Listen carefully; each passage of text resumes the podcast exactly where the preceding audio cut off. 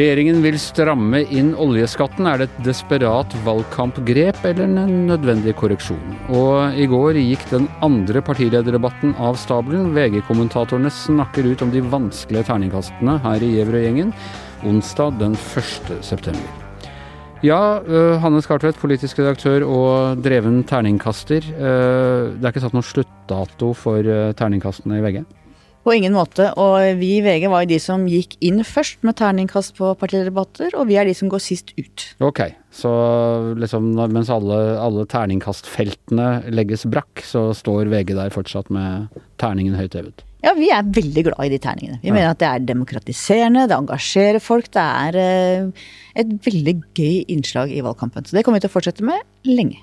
Ja. Det, hva tenker du Astrid? Det, burde vi ha noen sluttdato på Dere var ikke så høye i hatten dere Vi hadde jo avdelingsmiddag eh, i går, og så måtte dere bare bryte opp og gå og se på, på debatt for å kaste terning. Ja. Det er sant, Anders. Ja. Du måtte gni det inn igjen i dag òg. ja, i dag, er det jo, i dag er det jo dere som triumferer, det, det må man jo si. Men, jeg er litt bekymra for at det skal bli sånn at terningen skal at det er sånn der klimarisiko. Nei, hva er det for da med oljen? Det er jo det at uh, den ikke blir lønnsom lenger. Og kanskje ikke terningen blir lønnsom lenger heller. Det er jo noe med papiraviser og sånn, da. Den derre digre terningen som dere deler ut til de som har uh, fått de forskjellige kastene, uh, den er jo laget av noe sånn Olje. olje oljeprodukt. Oljeprodukt, så Ja, så vi kan ikke produsere flere, så vi må bare passe veldig godt på den terningen vi har, for den er jo ferdigprodusert. Ja. Ja. Ok, nok uh, tøys rundt det. Uh, dere kasta altså terning, og vinneren i går, det var Jonas Gahr Støre fra Arbeiderpartiet og Une Bastholm fra MDG. De fikk fem begge to. Jonas vinner jo alltid, men Une Bastholm Nei, det gjør han slett ikke, Anders.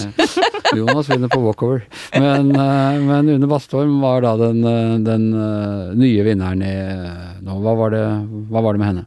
Ja, Hun var stødig og rolig. Forrige debatten i Arendal så gjorde hun det ganske dårlig. Da var hun litt for hektisk. Og, mens nå var hun For det første kom hun mye til orde. Hun var god i argumentasjonen um, alle veier. Og var rett og slett fikk fram MDGs budskap på en tydelig og klar måte. Du kan være enig eller uenig i det de mener, men hun var veldig flink på å presentere sitt partis politikk. Og det er det vi bedømmer.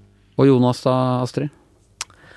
Jonas eh, strålte sjøltillit i går. Så det på hvordan han snakka, hvordan han sto. Um, han var avslappa og parert igjen og igjen. Uh, Erna Solberg, som ble litt mer teknisk og snakka om ja, Hva var det for noe igjen, Hanne? Gini-koeffisient og ABE-kutt-og-reform. Eh, så mye teknikk Jo, vi er opptatt av det, men vi prøver jo å forklare hva det betyr. Ja. jeg tror kanskje ikke at seerne Jeg vet ikke helt hva det betyr heller, og hun ble fryktelig teknisk, mens eh, Jonas han eh, utstrålte selvtillit og var rolig, og han eh, hadde en fin dialog med Une Bastholm der de to på en måte var jamngode. Jeg likte Jeg tror egentlig debattformen var bedre for de små partiene i går, sjøl om jeg så at det er mange som var sur på den debatten der, at det ble for mye avbrytelser. Men altså, alle fikk eh, snakke ut. Alle partilederne fikk snakke ut. Det starta jo med klima, så var det veldig sånn konkret. Hvordan vil dere kutte 25 millioner tonn utslipp i Norge? Så fikk alle svar på det, og det tror jeg kom eh, de små partiene litt eh, gode, og derfor eh, gjorde Une Bastholm det bedre. Ja, vi, vi stilte jo spørsmål eh, i dag på, på Facebook-sida vår om, eh, om terningkast og innspill, og vi har eh, fått noe, altså kanskje på tide å gi terningkast til eh, programledere også, sier Kristel, som jeg gikk på ungdomsskolen med, faktisk. Eh, og, og, så har vi spurt henne hvilke hun ville ha gitt. Uh, hun sier at uh, Arild Riise på TV 2 som leder får terningkast to. Jeg har ikke sett det, det høres veldig strengt ut. Ja, det var litt strengt, men Eh, det var jo riktig det at det ble en del avbrytelser, og at han ikke helt klarte å holde styr på Særlig Trygve Slagsvold Vedum var jo veldig til å avbryte. Han gikk jo løs på Sylvi Listhaug der en periode, og da var jeg litt imponert over at Sylvi Listhaug klarte å beholde roen, for hun sto der og smilte sjøl om Trygve Slagsvold Vedum. Han har selvfølgelig kopiert opp en eldgammel artikkel fra DN som han skulle ta Frp med, da, der de har sagt at han ville ha dyrere strøm, og det ble kjekling er luxe, da, vet mm. du. Mm. Mm. Ja, ok, for gå fort gjennom de andre også. Erna, terningkast? Hun fikk en treer. og det, var, det, er en av de dårligste debattene jeg kan huske å ha sett Erna Solberg i på mange, mange år. Eh, både at hun brukte vanskelige ord, hun var eh, altfor byråkratisk, var litt matt. Virka litt uh, uinspirert, selv om både litt uinspirert og litt uh, Du merker også at det står veldig, veldig mye på spill for Høyre, og hun virka ikke helt bekvem i rollen, rett og slett, i går. Nei. Og Vedum? Vedum fikk jo treer, eh, og det var litt grann grunn av det som vi var inne på i stad, som jeg snakka om. Han var litt irriterende. Han avbrøt og avbrøt, og så var det jo fryktelig vanskelig for han da, ikke sant. Han fikk jo ikke snakke noe om distrikt, det var jo klima som var først, og ikke noe spesielt god sak for han. Og så eh, var det jo privat eller offentlig helsevesen etterpå, så var det skatt, og det var ingen av de temaene som var noe særlig for han, så han, eh, han eh, var ikke statsministeraktig akkurat i går. Sylvi Listhaug? Hun fikk en firer, hun fikk en femmer fra oss forrige gang i Arendal. Da var hun vel overraskende god. Det tror jeg verken hun eller vi hadde sett for oss at det skulle gå så bra. Men nå var hun jevnt god, men ikke så på topp som hun var sist. Og disse radisene, Moxnes og Moxnes fikk faktisk firer i går, da. Ja, Vi syns at det var det eh, vi var mest eh, Da vi satt liksom ved restaurantbordet og så hva dere hadde kostet, så oi, fire. Eh, Bryter du med en eh, Bryter du med en eh, påstand om at, eh, at VG aldri kan gi rødt mer enn to, Hanne? Nå peker du på Astrid, men eh, Nei, men vi bedømmer jo ut fra hvor flinke folk er til å presentere sin egen eh, politikk og sitt partis politikk. Og han fikk mye taletid i går, og presenterte Rødt sin politikk på en god måte. ja. Så dere var helt enige her? Det var, du måtte ikke skal alle si at vi er helt enige i den halvannen timen det går opp og ned, og vi driver og chatter med hverandre, da. Eh, For vi kan ikke snakke så høyt. Og da liksom, er du, ja, så diskuterer vi. Og så diskuterer vi med Tone Sofie Aglen, som var i Bergen, da. mm. Så det går jo litt opp og ned, og så er det forandringer etter temaet òg, da. Så noen snakker seg opp, og noen snakker seg ned. Eh, Men vi var jo enige til slutt, selvfølgelig. Og jeg syns at den, akkurat den debatten som eh, var i går, gitt mye taletid til og Rødt. Han fikk mye mer taletid enn f.eks. i Arendal, og var avslappa og dro jo de her Jeg vet ikke hvor mange ganger han sa det her om at de rike skulle betale og rike skulle svi, men det funka, det. Han er opptatt av det. Ja, Hva med Lysbakken? Hva fikk han? Han fikk en firer. Han ligger jo vanligvis veldig, veldig høyt og pleier å få Ofte får han fem. Han er humor og glimt i øyet. Han var litt mattere i pelsen i går. Enda han var på på hjemmebane? Ja, så bergensere bør jo egentlig blomstre opp der i Bergen de aller helst vil være. Men eh, nei, han var eh, på det jevne. Firer er jo også bra, men han var ikke strålende sånn som han ofte er. Skal vi se hvem står igjen da. Ropstad, som dere ga usle to her eh, eh, forrige gang. Ja, og han var mye bedre i går. Han fikk en firer. Eh, han fikk fletta inn barnefamilier og helsepolitikk og var god på klima, som egentlig ikke er KrF sin hjemmebane. Eh, nei, han var stødig og god og kom godt gjennom TV-ruta i går. Ja. Er det bare Venstre igjen da, eller er det noen jeg har glemt? Ja, Guri Melby i Venstre, hun fikk jo den dårligste karakteren i går. Hun fikk toer. Eh, kom veldig lite på, ble hektisk, og det var en periode midt i der. Det ble mye roping, sikkert litt eh, desperat forsøk på å komme seg på, da. Det er jo ikke lett, da. Eh, ja, hun ropte. Ja. Ja. Eh, og det var jo klima, da. Eh, Mm. Men hun ble altså da feid av banen av Une Bastholm på klima, som uh, syns òg var bedre enn uh, Lysbakken på klima i går, altså. Så um, det var klasseforskjell akkurat i går. Ja. Og da helt til slutt eh, vet at vi, altså, vi er aldri helt enige, men vi kommer fram til det. Altså. Men hva var dere mest uenige om, kan dere si det? Vi var vel stort sett ganske enige i går, Astrid, var vi ikke det? Jeg kan ikke komme på noen veldig uenigheter. Eh, De som hoppa litt opp og ned, var Erna hoppa vel litt opp og ned. Eh, Ja, sånn underveis i sendingen. Underveis i Ja. sendingen, men eh, det var vel ingen vi var direkte uenige om, var det det? Jeg følte at vi var mest enige om uh, Jonas Gahr Støre hele veien. Vi syntes at han Ja. leverte best. Altså, det var jo et sikrest på hele veien. Det gikk liksom ikke ned. Ja, han lå på fem gjennom ja, hele. Han jeg. skal jo alltid ha fem, han, så det er eh, Og det mest artige etterpå var da vi konfronterer jo de her forskjellige politikerne med hva de får, da, vet du. Det får Ja. jo de terningene trykket opp i ansiktet sitt. Mm. Og Bjørnar Moxnes ble jo helt satt ut. Jeg så jeg sånn han hadde forberedt seg på det der, ha-ha, det betyr ingenting hva jeg får i VG. Men det, Ja. var sånn, nei, det, det var jo veldig koselig. ja, ja, ja. Så ser du, de blir glad for det innerst inne, disse, disse kalde, kyniske eh, politikerne. Kapitalister. Ja. Du, eh, vi skal snakke om en annen ting dere var på i går. Altså eh, plutselig innkalling til pressekonferanse med noe voldsomt eh, sikkerhetsoppbud rundt. Ja, for vi ble jo kalt inn da til halv seks kommentatorene på forhånd, og så skulle selve pressekonferansen være klokka seks. Og når vi kom ned til Klimadepartementet, så fikk vi streng beskjed Det har jeg aldri opplevd på den type brifinger bare, at vi måtte legge mobiltelefonen utenfor, også en vakt, før vi kom inn i rommet. Og der satt finansminister Jan Tore Sanner, eh, Tina Bru, olje- og energiminister, eh, samferdselsminister Knut Arild Hareide og klimaminister eh, Sveinung Rotevatn og brifa oss da om en ny innretning på oljeskatten. Og interessant du sier det er Klimadepartementet. Altså, Burde ikke dette være finans eller olje og energi? Eller, eller eh, transport og kommunikasjon? Ja, det tror jeg bare er med lokaliteten å gjøre. Det er den nyoppussa marmorhallen som de har alle pressekonferansene på korona. Har det bare med det å gjøre? Det er ikke noe med å gjøre at klima har blitt den største saken i valgkampen? Ja, altså At det var en klimasak, det kan vi snakke om. Tenk du snakke om hvorfor det var i Klimadepartementet? Ja, det ja. Tror jeg bare har med altså at de, de har den nye eh, koronatilpassa store pressekonferansehallen sin, som er Marmorhallen. Altså, det, det, var, det var jo mest Finansdepartementet var han som ledet an. Hvis du ser over gata på det gamle, ruklete, veldig fine bygget Finansdepartementet Ruklete vil jeg kanskje ikke kalle det. Nei, det var et veldig dårlig valgt ord, det er enig i. Ja.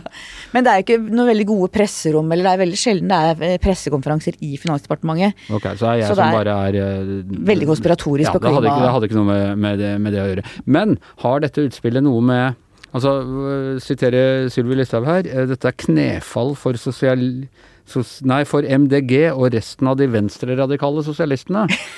eh, og det får være hennes ord. Jeg vil ikke brukt de ordene, men, men, jeg må jo si at det må jo være lov å lure på hvorfor dette kommer nå eh, halvannen uke før valget i sak i et valg hvor klima noe overraskende ble den store saken. Og da er vi kanskje inne på hvorfor var Sveinung Rotevatn klimaministeren. Dette er jo en slags gavepakke til Venstre også, de har ønsket seg dette lenge.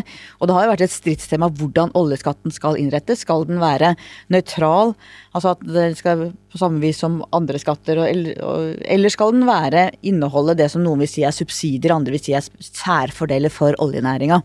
Og der eh, har man vurdert dette mange mange ganger, og alltid konkludert på at vi skal ha det regimet som er, som altså ikke er nøytralt, men som har noen skjevheter i forhold til å favorisere oljenæringa. Eh, og det blir det en slutt på med dette nye systemet. Men favoriserer det oljenæringa på bekostning av noen andre næringer? Nei, men uh, i Finansdepartementet har de alltid vært veldig veldig opptatt av næringsnøytralitet. At alt skal være likt. En krone skal beskattes likt uavhengig av hvor den tjenes inn. Og nå argumenterer Sanne med at dette nysystemet gjør at det skal ikke være uh, skattefordeler. Det skal ikke være skattemotiverte investeringer. At det skal være like lønnsomt eller ulønnsomt uavhengig av skatten. Har det noe med valgkampen å gjøre? Ja, ja, ja. ja. Det tror jeg absolutt. Det var altså så spennende uh, da vi ble innkalt til den eh, briefen, for vi var egentlig ikke så motivert for å gå. For vi skulle ut på middag med deg, Anders.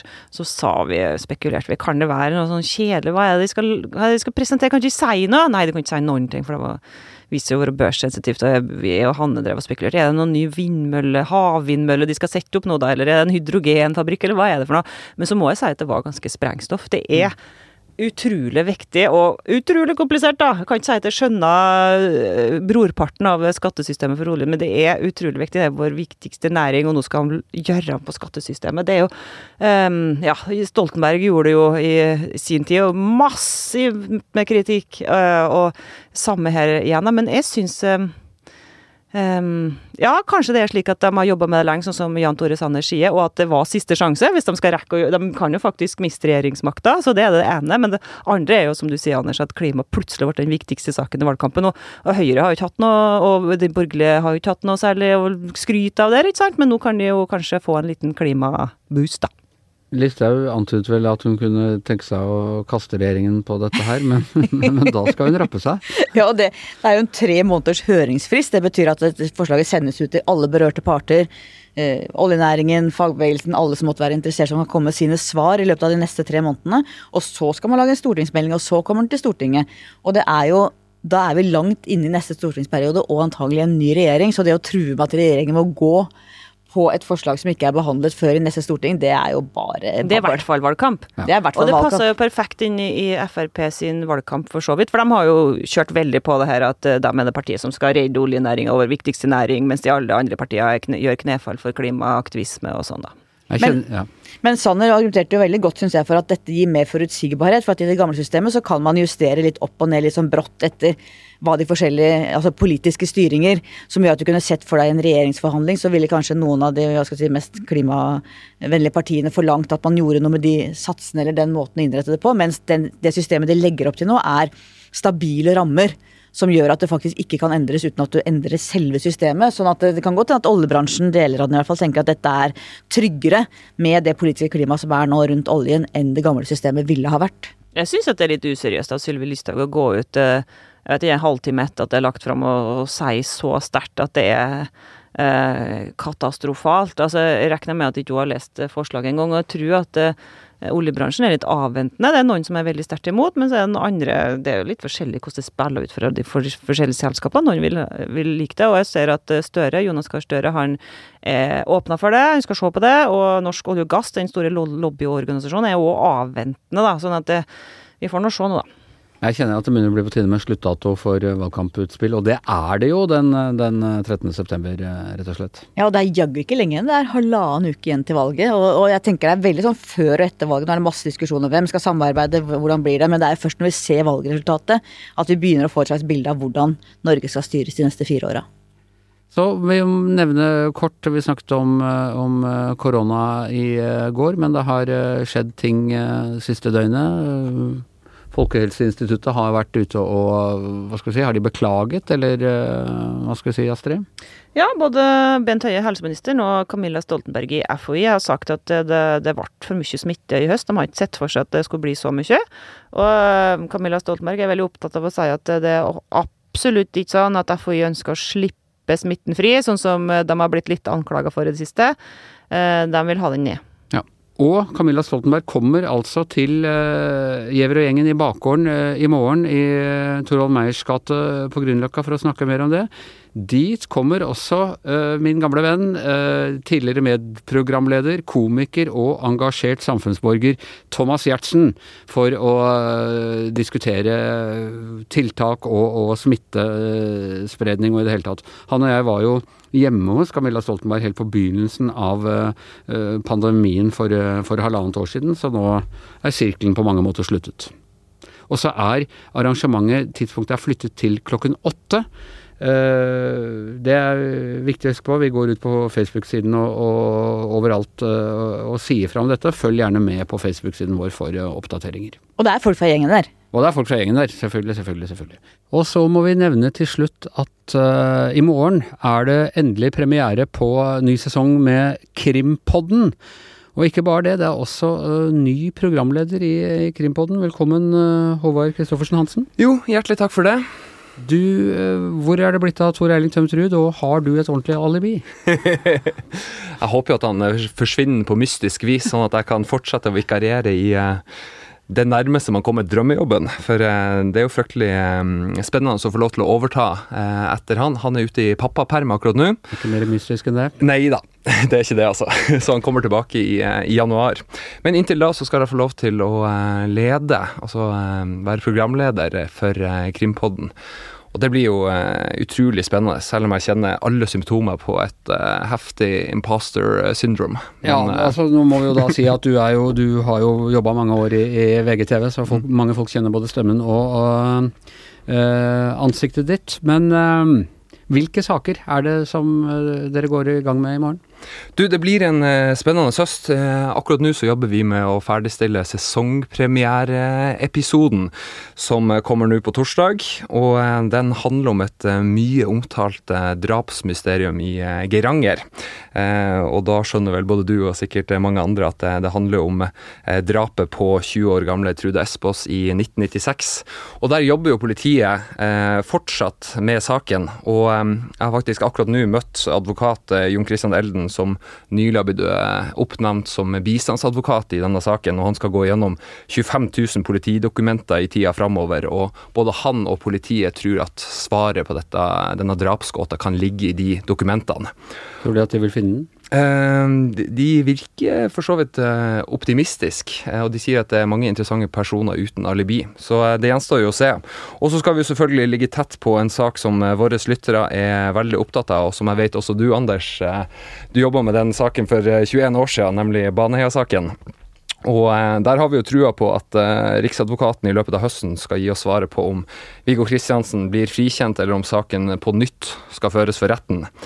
Og så skal jo begge de dømte, også altså Viggo Kristiansen og Jan Helge Andersen, skal jo avhøres på nytt også, sannsynligvis. Så den saken følger vi tett. Og så til slutt så må jeg få lov til å nevne eh, Birgitte Tengs-saken på Karmøy, for der jobber jo politiet med DNA-undersøkelser, som de også gjør i, eh, i Baneheia-saken.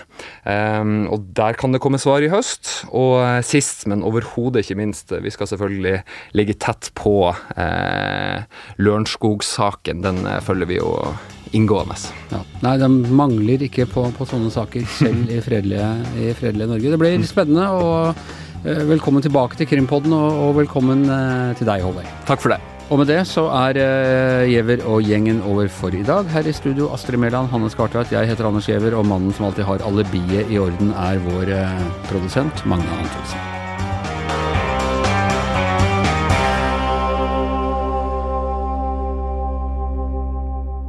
Du har hørt en podkast fra VG.